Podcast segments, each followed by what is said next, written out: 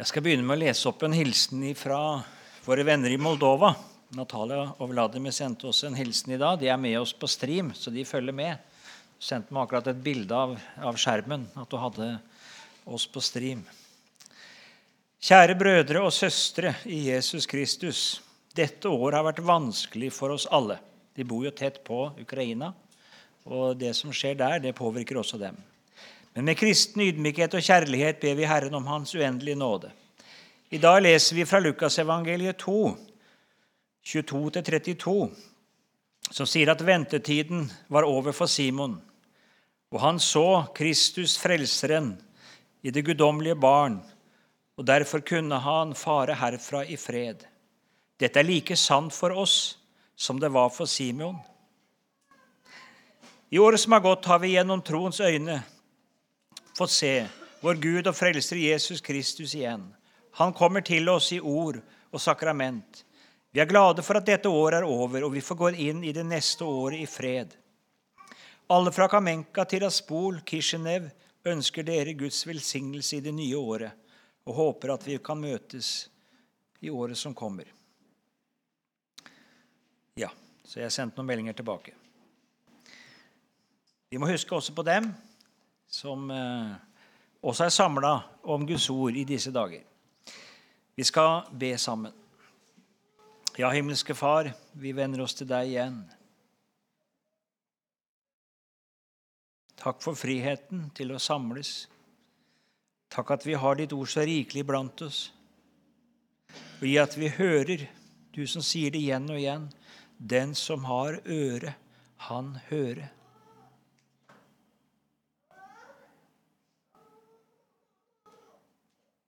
Troen, sier du, den kommer av forkynnelsen av ordet som vi hører, og vi ber. Dra oss inn til deg. Kom med din gode Hellige Ånd og legg ordet inn i hjertene våre. Vi ber om det. Amen. Vi skal lese fra Matteus 24 og fra vers 42 og ut kapittelet i Jesu navn. Våk derfor for dere vet ikke hva dag Deres Herre kommer. Men det skjønner dere at dersom husbonden visste hva for en nattevakt tyven kom i, så ville han våke og ikke la ham bryte inn i sitt hus. Vær derfor beredt, dere også, for menneskesønnen kommer i den time dere ikke tenker. Hvem er da den tro og kloke tjener som Hans Herre har satt over sine tjenestefolk, for at han skal gi dem mat i rett tid. Salig er den tjener som Hans Herre finner i ferd med å gjøre dette når han kommer. Sannelig sier jeg dere, han skal sette ham over alt han eier. Men dersom den onde tjener sier i sitt hjerte, det varer lenge før min Herre kommer, og han gir seg til å slå sine medtjenere og eter og drikker med drankere, da skal tjenerens herre komme en dag han ikke venter det, og en time han ikke tenker, og han skal hogge ham i sønder og gi ham hans del med hyklerne. Der skal de gråte og skjære tenner.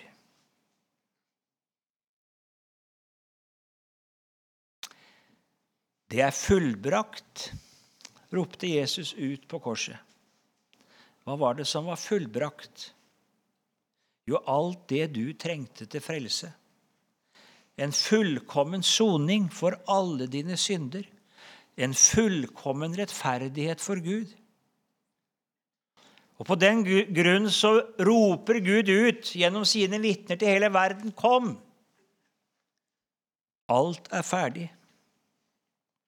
Det kan vi lese om i Matteus 22, om det store gjestebudet.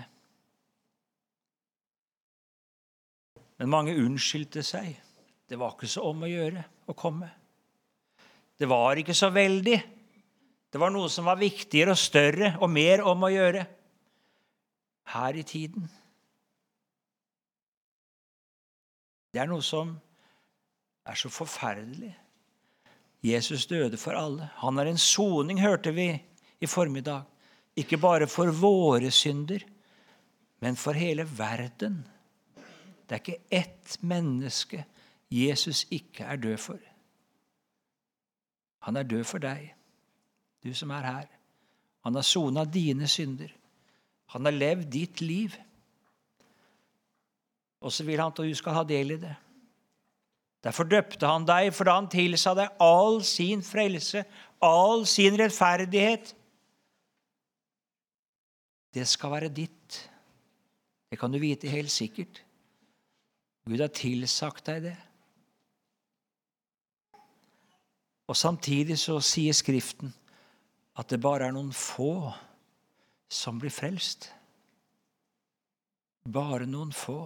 Enda Gud vil at alle skal bli frelst, så er det bare noen få.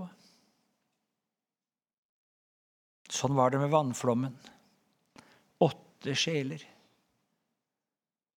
Åtte sjeler. Vi vet ikke hvor mange mennesker det var på jord den gangen, men det var ikke mange som ble frelst. Åtte stykker ble berget. Noah og hans familie. Sånn var det under ørkenvandringen. 600 000 våpenføre menn pluss kvinner og barn, kanskje to millioner. Josva og Caleb, de fikk gå inn i landet. Av alle de voksne som hadde gått ut av Egypt. Resten lå døde igjen i ørkenen. Alle hadde del i utgangen. Alle spiste av påskelammet. Alle gikk gjennom Rødehavet og opplevde den enorme frelse. Alle spiste av mannaen. Alle drakk av klippen. Men bare to nådde målet. Var det ikke fullbrakt for dem også? Jo. Men det ble dem til ingen nytte, sier Hebrebrevet fordi det de hørte, ikke ved troen var smeltet sammen med dem. Det ble aldri deres personlige eiendom.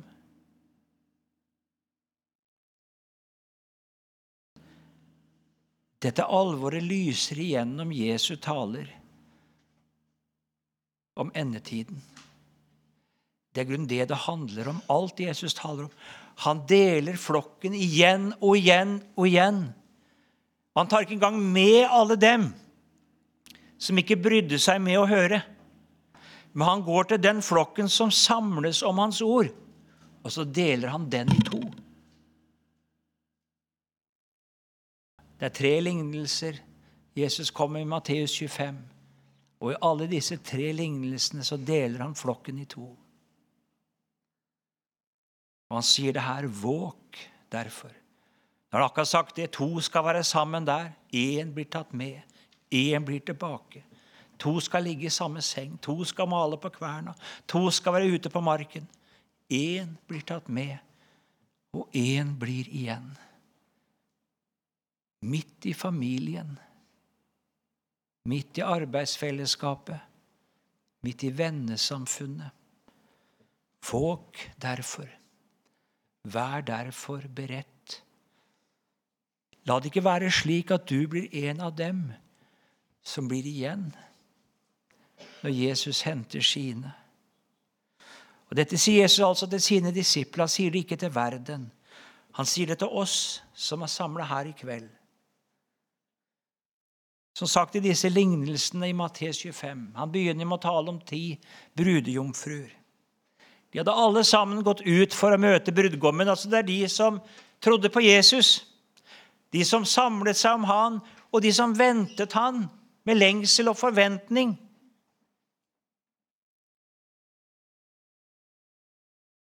Rosenius jeg skal sitere hva han sier om dem. I hele ventetiden var det ikke mulig å se eller merke noen forskjell på dem, altså de dårlige, og de kloke. De var alle jomfruer hadde alle sine lamper, var alle gått ut for å møte brudgommen, og ventet alle på at de sammen med ham skulle få gå inn til bryllupssalens herlighet.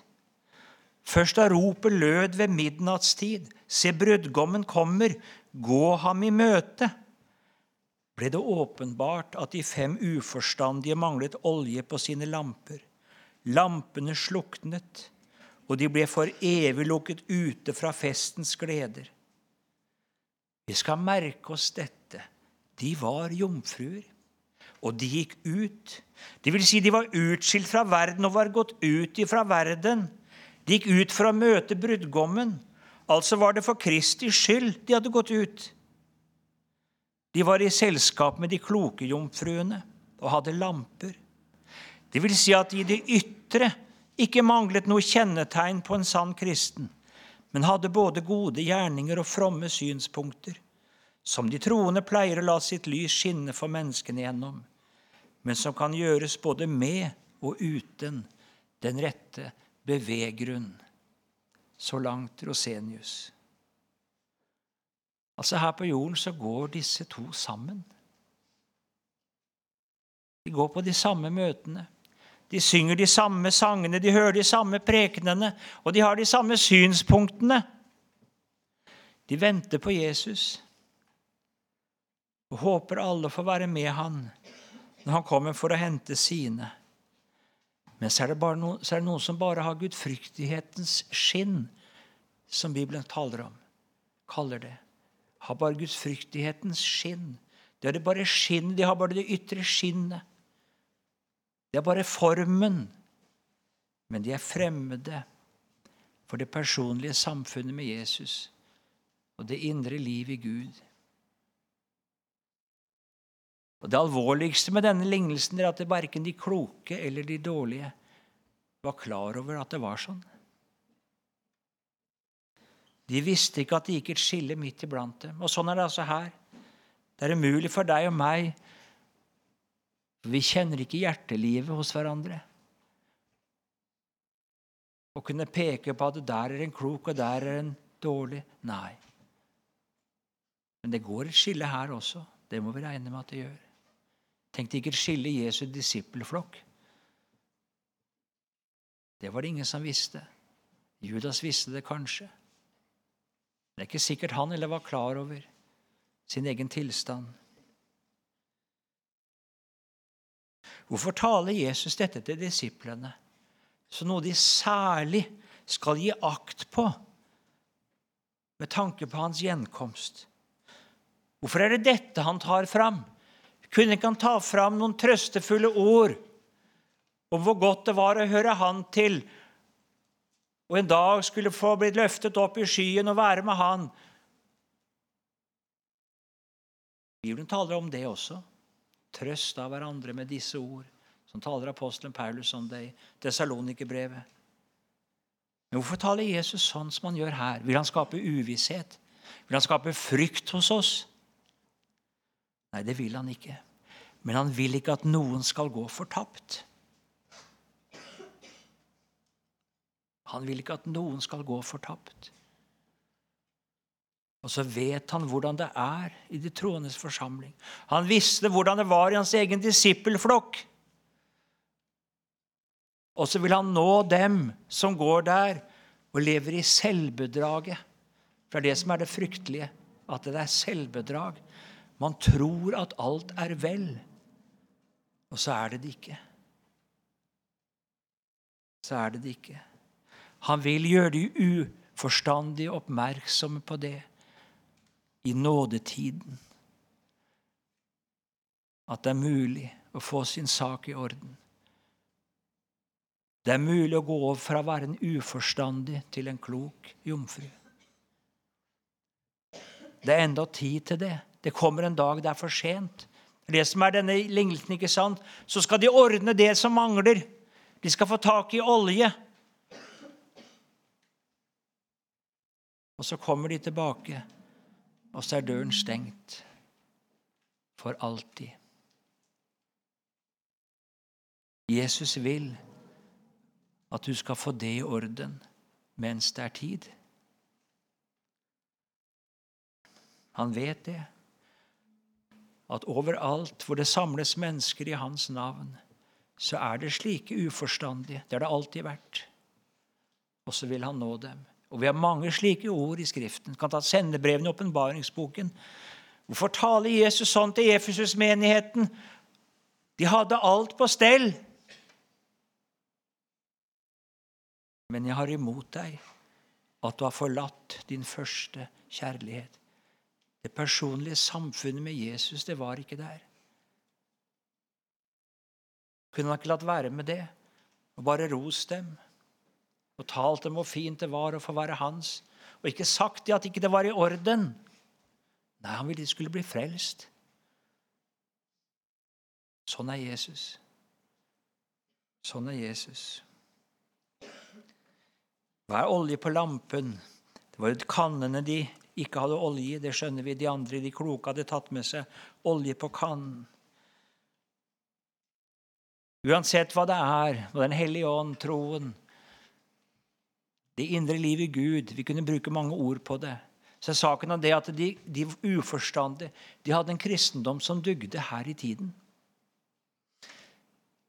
Det var for de andre å se til. Så var de levende. Så lyste deres lamper. De besto menneskers dom. De besto sitt eget hjertes dom. De tenkte at alt var vel. Og så gikk de brudgommen i møte. Dere hadde om frelsesvisshet. Jeg fikk ikke vært med på det. De hadde det. De trodde det var i orden. De hadde frelsesvisshet på galt grunnlag.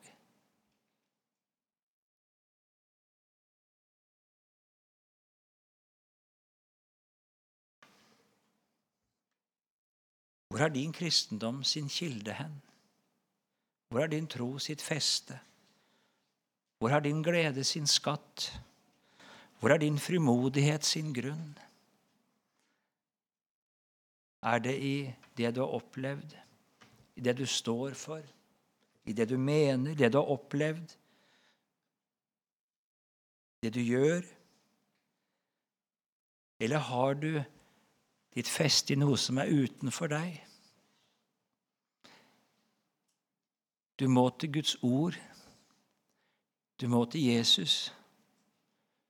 Du kan ikke leve som Rosenius synger. Jeg kan ikke leve om jeg ikke jeg eier min venn og hans vennskap, som allting oppveier. Og så må du ha omgang med han. Du må tale med han. Du må ta han med dine synder.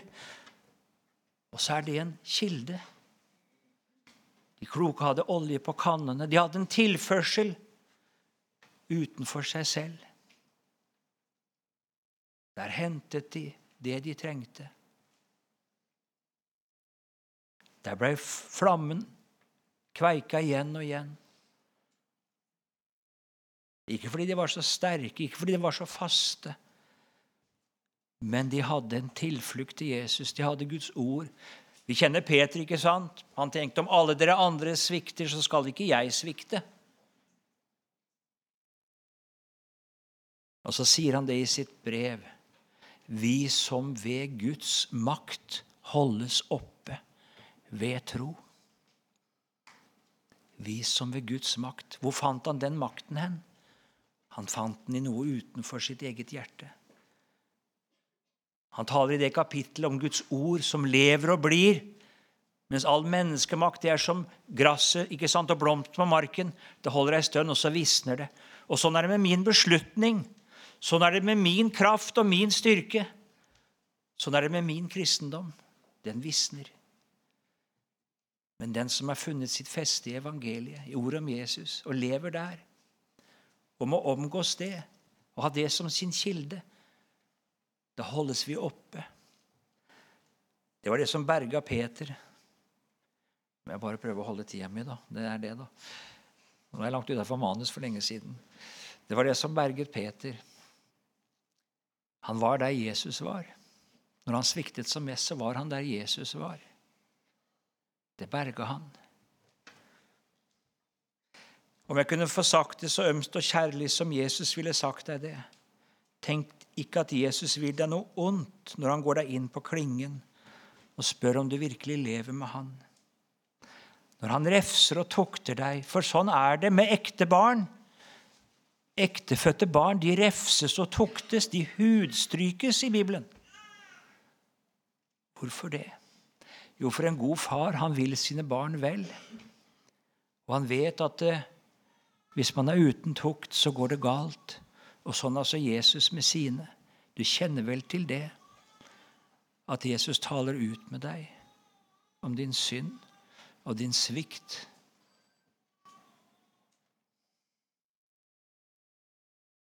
Han gransker dine hjerter og dine nyrer. Det er sjelelegen, det, som vil at du skal bli frelst. Du og jeg vi er befengt med alle slags åndelige sykdommer og skavanker. Og får han ikke stelle med oss, så blir det døden. Får han stelle med deg og lege deg og ta seg av deg og berge deg, så kan du nå målet. Ellers så gjør du det ikke. I den neste lignelsen i Matteus 25 så taler Jesus om talentene. Dere hadde om nådegaver i dag. Det er ikke nådegaver, det er ikke naturgaver. Vi snakker om talenter, ikke sant? Da tenker vi på noen egne gaver som noen har. Det er ikke det. Det er frelsen i Jesus som er den store skatten du har fått, som hører Jesus til.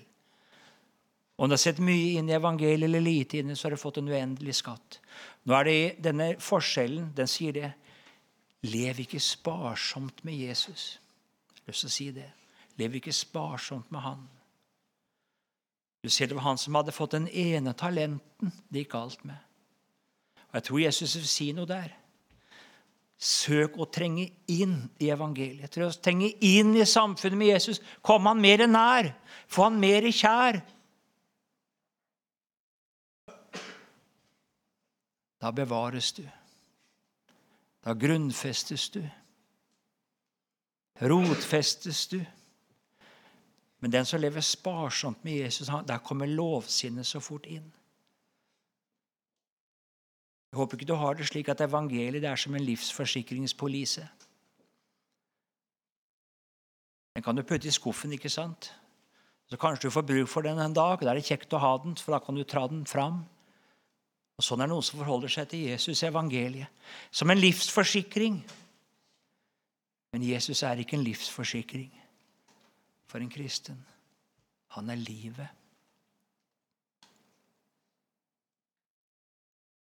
Han er en jeg lever med, en jeg lever av og hos og ved og i, og han lever i meg. Det er et samfunn, et personlig samfunn. Ikke noe jeg vet, og som jeg kan på en måte, Den dagen noen spør meg, så kan jeg svare nei.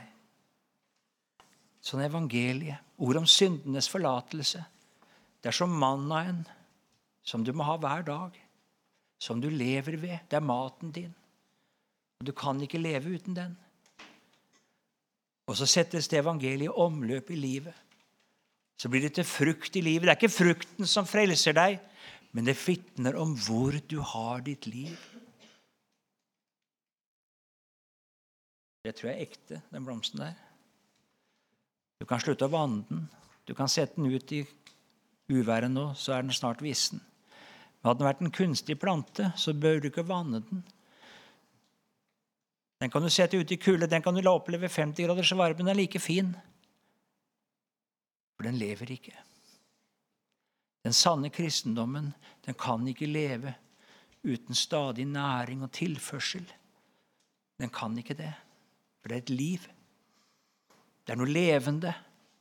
Det er et personlig samfunn med Jesus. Du har det ikke sånn at Bibelen kan ligge der dag etter dag. Og kristendommen din den går like bra. For du kan det. Du vet det. Men det er ikke noe personsamfunn med Jesus. Sånn var det med de dårlige jomfruene. Sånn var det med han med den ene talenten. Han hadde den, han hadde tatt veldig godt vare på den. Han visste hvor han hadde den hen, men han brukte den ikke. Det var død kapital. Og så kom lovsinnet inn. Han tenkte at Gud var streng, så han skulle virkelig fortelle ham, han skulle ta vare på det. Han levde ikke i evangeliet. Og så mistet han det. Du må leve med Jesus. Du må leve i syndenes forlatelse. Du må gjøre deg bruk av det daglig. Evangeliet er gitt deg til bruk.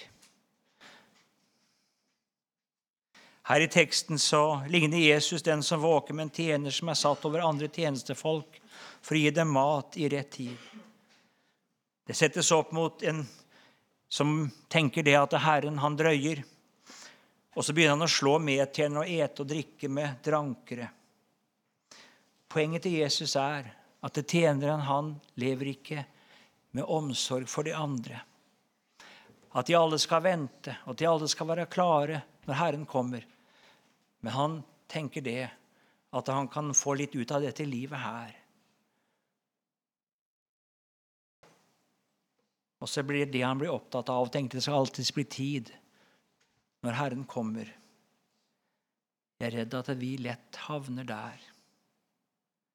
Hvor mye lever du og jeg for å berge de andre for himmelen? For å leve slik at jeg får være de andre til hjelp? Jeg var i Forsvaret på en øvelse, husker jeg, en flott vinternatt så la jeg merke til noe. Noen gikk og tenkte på seg sjøl og sko, så på skotuppene sine, syntes synd på seg sjøl. Sterke befalselever, og de stupte. Og så så jeg en, en liten gudbrandsstøling. Han sprang rundt og spurte meg skal jeg hjelpe deg med sekken din. Skal jeg ta AG-en din? Han så at de andre sleit. Og han bar dobbelt, og kanskje tredobbelt. En liten Han takla det ene etter det andre. Han var den første som stilte seg villig. Det var snakk om en tjeneste, ei vakt. Han tok den. Det var ingen som var i så god form som han. For han var opptatt av de andre. De som var opptatt av seg og sitt, de bukka ganske fort under. Sånn er det i Guds rike også. Sånn er det i Guds rike også. Skal du bevares Jeg skal synge en sang om det. Jeg skal snart slutte nå. Skal vi bevares som kristne, så må vi bry oss om de andre hjelpe hverandre på veien. Det er ikke minst viktig for den troende selv. Motsetningen er å begynne å leve for seg selv, og det er dødens vei. Vi lever ikke lenger for oss selv. Vi lever for Han som er død og oppstått for oss. Vi som hører Jesus til. Og Det innebærer å leve i tjenesten for de andre. Lagt merke til Når Jesus taler ut med Peter ved, ved, ved Genesaretsjøen om det som skjedde i yppersteprestens gård, da går Peter, Jesus Peter inn på klingen, ikke sant? han som hadde fornekta tre ganger. Bare ta det. Vi er kalt, vi, til å vaske hverandres føtter. Vi er kalt til å hjelpe hverandre også med det. Vi skal være Jesus det her. For her er Jesus virkelig ute og vaske Peters føtter. Han hadde skitna seg til under vandringen. Han hadde falt. Og så måtte Jesus ta seg av han og snakke ut med han. Sånn skulle vi hjelpe hverandre. Det er det hører med til å gi mat i rette tide. Å gi de rette ord i rett tid. Det trengs, det. Av og til trengs det tukt. Av og til av og til trøst. Vi skal hjelpe hverandre på veien. Men så ender Jesus hvert spørsmål han får svar fra Peter. Så ender Jesus med å si noe til Peter. Han skal fø og vokte hans får og hans lam. Tenk på det. Hvorfor gjør han det? Jo, Man taler gjerne om det at han blir innsatt i sitt apostelkall. Ja, det er nok riktig, det. Jeg tror det er noe mer å si. Det er å si noe om til Peter om hvordan han selv skal bli bevart. Peter var opptatt av seg og sin kristendom og sin. Og så gikk det så galt. Men hvis han har vært litt mer opptatt av de andre og være dem til hjelp, da bevares du som en kristen. Det motsetningen er at du setter deg ned i godstolen, og så bruker du tida på deg og ditt og alle dine interesser og alt det du vil. Og det er første veien til verslighet. Er frafall. Men hvis du kan ha de andres ve og vel, evige ve og vel, for ditt hjerte, stille deg til rådighet Nå skal jeg ta en personlig ting. Marit har hørt det, så det er ikke noe hemmelighet. Jeg hadde en kjæreste før jeg traff Marit i min ungdom. Og så etter en stund så ble jeg kjent med henne bedre og bedre. Så ble jeg ganske urolig. Jeg ble urolig for hennes åndelige liv. Jeg hadde det ikke klart på noen måte Men jeg ble enda mer urolig for henne. Og så begynte jeg å lese i Bibelen for å finne noen ord. Det var den tida vi ikke hadde e-post og sånn, så vi måtte skrive brev. ikke sant? Og jeg ville sende noen ord til vekkelse, til hjelp. Vet du hva det førte til? De ordene jeg sendte, de talte jo til meg. Fordi jeg var urolig for noen andre. Det hadde jeg virkelig grunn til å være urolig når det gjaldt meg. Så det førte meg inn i vekkelse. Denne jenta ble ganske sint, og det ble ikke noe mer av det forholdet. Hun ville ikke høre noe av det jeg skrev. Så Det tok slutt, og det var enda godt. Men det ble meg til vekkelse. Det førte meg til Jesus i ransakelse over mitt eget liv fordi jeg var bekymret for hos den andre. Ja, det er sannelig grunn til å være bekymret for når det gjaldt meg. Du som bærer omsorg for dine medvandrere, du kommer til å bli var for din egen synd.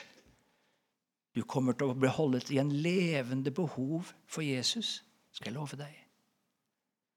Så tjenesten det er ikke noe sånn du kan velge eller ikke velge. Det hører med i en kristens liv. Jesus taler om det her. Å gi mat i rette tid til de andre. Skulle ikke gå inn i det nye året. Og så legge oss dette på sinne. Dere hadde om nådegaver og tjeneste. Har lagt merke til hvem Jesus kaller. En står og pløyer hjemme hos sin far. Noen sitter og bøter garn sammen med far. En sitter i tollboden. De var trofaste der de var. Tjente sine foreldre. Skal du søke, du som er barn og ungdom? Søk å tjene der du er. Det er uendelig viktig også for ditt åndelige liv. Motsetning er å leve for seg selv. Og den veien fører ikke til himmelen. Det gjør den ikke. Ja, kjære Jesus, takk at du tjente oss. Du ga deg selv for oss. At vi skulle bli frelst. Du gjorde alt. Du bra, det fullbrakt. Og så er det noe her som du også legger oss på hjertet. Vi blir ikke frelst ved vår tjeneste. Ingen av oss blir det. Nei, frelst blir vi av nåde. Og likevel så bevares vi i barnekåret. Så bevares vi i syndenes forlatelse gjennom tjenesten. Gjennom ikke å leve for oss selv, men å leve for deg, og derigjennom leve for de andre. At vi hjelper hverandre på himmelveien. Sånn holder du oss våkne. Sånn holder du oss beredt. Og gi oss det. At vi lever for deg, Jesus, og lever for hverandre hjelpe hverandre på himmelveien. I det året som kommer, at vi kunne det. Amen.